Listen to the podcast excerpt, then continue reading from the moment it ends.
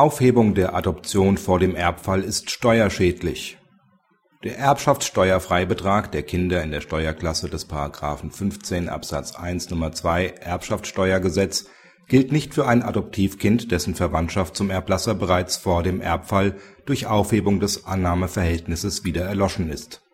Der 1938 geborene Kläger wurde am 31.10.1950 durch notariellen Adoptionsvertrag von seinem Onkel und dessen Ehefrau an Kindesstatt angenommen. Neun Jahre danach wurde der Kindesannahmevertrag wieder aufgehoben. Im Jahr 1995 errichteten der Onkel und dessen Ehefrau ein gemeinschaftliches Ehegattentestament. Sie setzten sich gegenseitig zu Alleinerben auf den ersten Todesfall ein, der Kläger sollte Schlusserbe werden. Die überlebende Ehefrau verstarb im Februar 2004.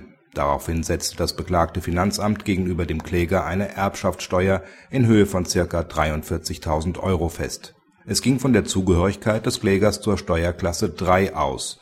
Auf dessen Einspruch hin wurde die Erbschaftssteuer auf ca. 31.000 Euro reduziert und der Kläger in Steuerklasse 2 eingruppiert mit der dagegen gerichteten Klage verfolgte der Kläger das Ziel, in Steuerklasse 1 als ehemaliges Adoptivkind eingeordnet zu werden, um den zum Zeitpunkt des Erbfalls gültigen Freibetrag für Abkömmlinge in Höhe von 250.000 Euro zu erhalten, was zur Steuerfreiheit geführt hätte.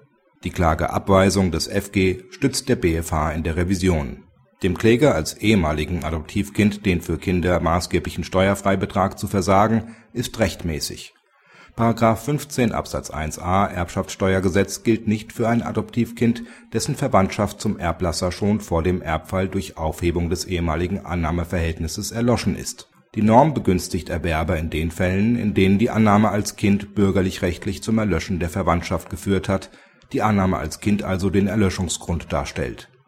Der BfH sieht sowohl den Wortlaut als auch die Entstehungsgeschichte der Vorschrift in diesem Sinne an nach Inkrafttreten der Neuregelungen im Adoptionsgesetz zum 01.01.1977 erlischt bei der Annahme Minderjähriger gemäß § 1755 Absatz 1 Satz 1 BGB das Verwandtschaftsverhältnis des Kindes und seiner Abkömmlinge zu den bisherigen Verwandten. Um zu verhindern, dass sich das Erlöschen dieses Verwandtschaftsverhältnisses auch erbschaftssteuerrechtlich nachteilig auswirkt bestimmt § 15 Absatz 1a Erbschaftssteuergesetz, dass die Steuerklassen 1 und 2 Nummern 1 bis 3 auch hier gelten. Bei der Adoption Minderjähriger sind somit die Steuerklassen 1 und 2 Nummern 1 bis 3 sowohl bei Erwerben im bisherigen Verwandtschaftskreis als auch bei Erwerben in dem durch die Annahme als Kind neu begründeten Verwandtschaftskreis gültig. Es tritt daher eine steuerrechtliche Doppelbegünstigung des Kindes ein ein ehemaliges Adoptionsverhältnis fällt hingegen nicht in den Anwendungsbereich des § 15 Absatz 1a Erbschaftssteuergesetz. Auch weiter bestehende persönliche Verhältnisse des vormaligen Adoptivkinds zu den früheren Adoptiveltern sind kein sachlicher Grund, dieses Adoptivkind erbschaftssteuerrechtlich der günstigeren Steuerklasse zuzuordnen. Praxishinweis Die Entscheidung ist zu begrüßen Erfolgt bürgerlich-rechtlich die Aufhebung der Adoption, schlägt sich dies in entsprechendem Maße auch erbschaftssteuerrechtlich mit der schlechteren Steuerklasse des ehemaligen Adoptivkindes nieder. Auch wenn aufgrund der angehobenen Erbschaftssteuerfreibeträge die Zunahme von Adoptionen aus nur steuerlichen Motiven vorhergesagt wurde, setzt der BfH für seine spätere Aufhebung der Adoption völlig zu Recht eine erbschaftssteuerliche Schranke